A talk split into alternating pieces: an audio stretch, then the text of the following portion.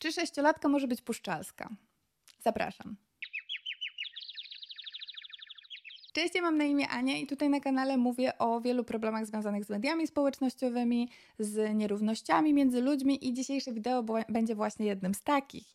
Jeśli chcecie wspierać moją twórczość, będzie mi bardzo miło, jeśli dołączycie do społeczności na kanale, albo będziecie kupować u firm, z którymi współpracuję, czyli na przykład wielorazówki czy Schow. Tymczasem Dzisiejsze wideo y, zostało sprowokowane wydarzeniem, którego byłam świadkiem kilka dni temu i które, słuchajcie, totalnie mnie zszokowało. Spotykałam się ze znajomymi, którzy mają córki w wieku bodajże 3, 4 i 6 lat i które przez ich własnych rodziców zostały skomentowane jako puszczalskie. Powodów, dla których dziewczynki zostały w ten sposób określone, było tak naprawdę bardzo wiele. I e, powiem Wam szczerze, że taki slut shaming, zwłaszcza ze strony rodziców, w strony dzieci, sprawił, że wręcz wyskoczyłam z moich butów, chociaż tak mówię, pomimo tego, że akurat w tamtym momencie nie miałam butów, więc może wyskoczyłam z moich skarpetek, albo po prostu wyskoczyłam sama z siebie i stanęłam obok.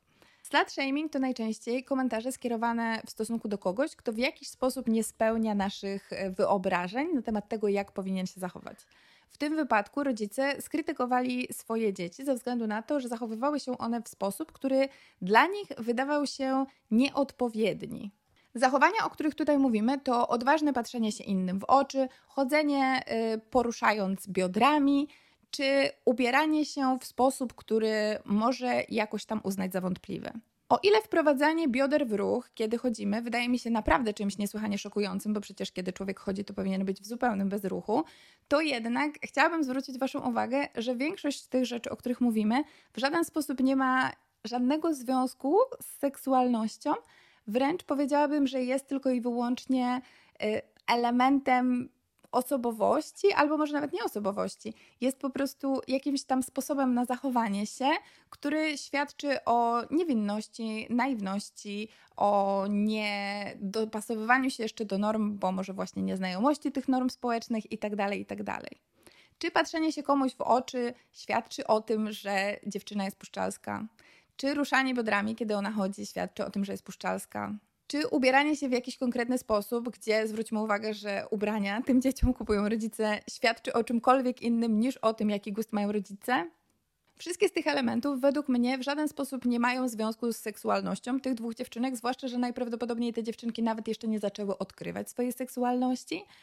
Jednak są mega jasnym dowodem tego, jak bardzo seksualizujemy kobiety w naszej kulturze, jak bardzo stawiamy je na przegranej pozycji, nawet w sytuacji, kiedy nie robią zupełnie nic złego.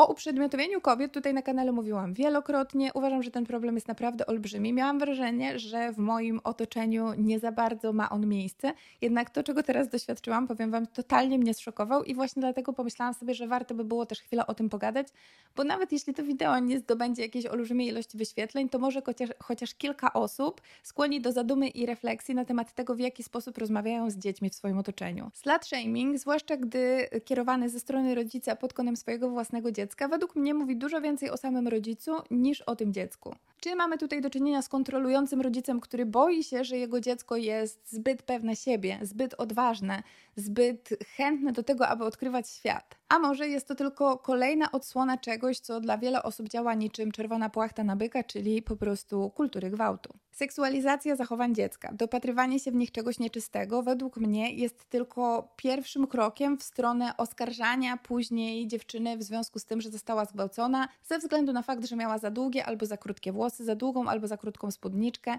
za długie albo za krótkie paznokcie itd. Tak itd. Jest to problem postrzegania kobiet w sposób, w których zawsze są one na przegranej pozycji. Jak rozmawialiśmy kilka dni temu, kobiety nigdy nie są w dobrym wieku, aby robić karierę zawodową. Jak Wam mówiłam, zostały wystosowane badania, które y, jakby analizowały wypowiedzi współpracowników na temat kobiet. Wśród tych współpracowników były również same kobiety. I ci współpracownicy o kobietach zawsze mówili, że coś z nimi jest nie tak, czyli że kobiety poniżej 30 e, roku życia były młode, były starzystkami, były odrobienia kawy, te powyżej 30 czy tam 40 roku życia miały już menopauzę, były zbyt emocjonalne, były zbyt bossy i tak dalej. W sytuacji, gdy mężczyźni jasno i klarownie można było zauważyć, że mieli ten taki sweet spot i pomiędzy 30 a 45 rokiem życia wydawali się być w idealnym momencie, aby robić karierę, ponieważ to właśnie wtedy byli uznawani za najbardziej innowacyjnych, najbardziej, wiecie, przebojowych, najbardziej właśnie zdobywczych i stanowczych przez swoich współpracowników, jednocześnie też e, jakby mając później w swojej karierze dalej fajne miejsce w firmach, jako że są doświadczeni i jako że swoją właśnie stanowczością są w stanie doprowadzić do wprowadzania fajnych zmian i tak dalej, a kobiety właśnie z drugiej strony, niezależnie od tego w jakim były wieku, nigdy do wykonywania swojej pracy przez swoich współpracowników nie były teoretycznie uprawnione. Tak samo jak kobiety nigdy nie powinny robić kariery, tak samo można by mieć wrażenie, że kobiety nigdy nie powinny robić nic, ponieważ nawet jeśli są po prostu dziewczynkami, które sobie po prostu chodzą, są radosne, uśmiechają się i patrzą się swoim rodzicom w oczy, mogą, mogą zostać uznane za zbyt otwarte, za zbyt, no nie wiem, jakieś po prostu wyzwolone. I tutaj słuchajcie, doświadczamy dokładnie tego samego, co e, w sytuacji tej pracy, tak? Ponieważ zawsze kobieta okazuje się być na sytu- w sytuacji przegranej. Jeśli chodzi na przykład o ubrania, to które ubrania będą świadczyć o tym, że dziewczyna jest puszczalska? Według jednej osoby będzie to krótka spódniczka, według innej osoby, nawet jeśli dziewczyna będzie w pełni ubrana, wszystkie, całe swoje ciało będzie miała zakryte, to tylko i wyłącznie dlatego, że będzie jej trochę za bardzo widać pupę, to już będzie o puszczalskości świadczyć. Inna osoba będzie uważała, że o puszczalskości świadczy fakt, że dziewczyna, która jest w pełni ubrana, będzie miała po prostu zrobione paznokcie, albo włosy, albo nie wiem, rzęsy, coś tam, coś tam i tak dalej. No jest to, słuchajcie, pole minowe, po którym kobiety muszą w jakiś tam sposób kroczyć, aby przetrwać. Mówię Wam o tym wszystkim, bo powiem Wam, naprawdę mnie to strasznie zszokowało i wręcz zaczęłam po tej sytuacji już patrzeć na to, w jaki sposób traktowane są kobiety również przez innych moich znajomych tutaj w kraju i wręcz mam wrażenie, że bardzo często ja sama myślę sobie, że właśnie slut shaming czy kultura gwałtu nie jest aż tak bardzo popularna i aż tak bardzo powszechna.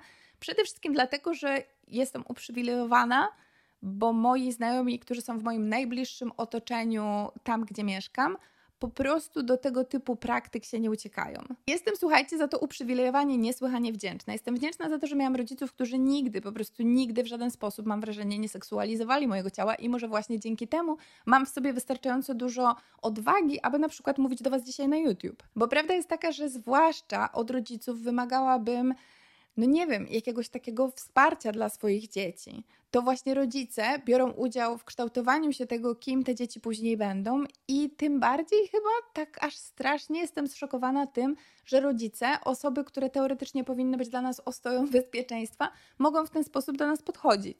Dorastając się, uczymy się swojej seksualności, uczymy się siebie, uczymy się swojego ciała, uczymy się tego, czym są emocje. Jeśli nawet w naszym najbardziej bezpiecznym otoczeniu ludzie będą w tak straszny, obrzydliwy sposób nas opisywać, to jak mamy stać się w pełni, wiecie, świadome siebie, w pełni odpowiedzialne, w pełni pewne siebie i tak dalej, i tak dalej.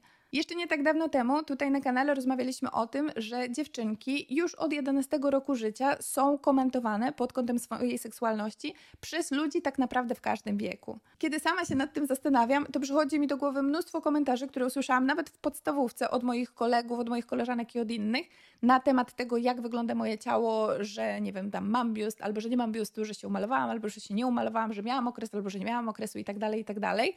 Pamiętam, jak strasznie wpływało to na mnie mnie właśnie wtedy. Nie wyobrażam sobie, jakby było, gdyby dokładnie te same komentarze, które tak strasznie mnie krzywdziły, które sprawiały, że czułam się tak strasznie niekomfortowo, były w moją stronę kierowane od rodziców. Slut shaming to według mnie taka swojego rodzaju agresja słowna, przemoc. To jest zachowanie przemocowe, aby kogoś nazywać puszczalską. Ja osobiście, gdyby mój partner nazwał mnie puszczalską, to wręcz tak sobie myślę, że możliwe, że puściłabym go po prostu z torbami, pomimo tego, że mamy dziecko nie wiem, no nie wiem, w ogóle nie pozwoliłabym sobie na to, aby ktoś w ten sposób mnie opisał.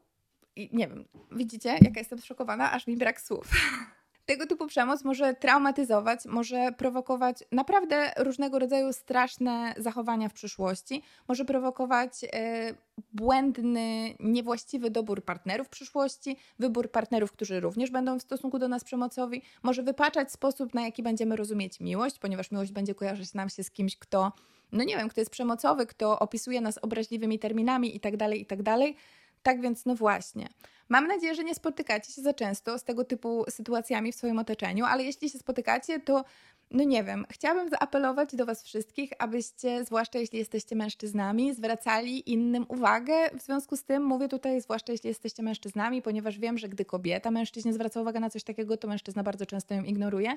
Jednak wydaje mi się, że niesłychanie ważnym jest to, abyśmy przeciwdziałali tego typu zachowaniom, ponieważ fajnie by było, abyśmy w końcu, wiecie, zaczęli traktować dziewczynki tak, jak powinny być traktowane, jako dziewczynki, jako młodych ludzi, którzy będą zmieniać naszą przyszłość, którzy będą naszą wspaniałą przyszłością i którzy zasługują na stuprocentowy szacunek. Swoją drogą przygotowuję wideo na temat tego, w jaki sposób traktujemy dzieci, bo zawsze, kiedy jestem w Polsce, to Huh, słuchajcie, za każdym razem w ogóle jestem mega zszokowana w związku z tym, jak dzieci są traktowane, jak traktowane są matki z dziećmi i tak dalej. Tak więc oczekujcie tego materiału, jak tylko wrócę do Pragi, bo już mam w sumie prawie napisany scenariusz ale dzisiaj nie uda mi się już tego nagrać, a wyjeżdżam za dwa dni, więc e, raczej chyba skupię się na razie na pakowaniu.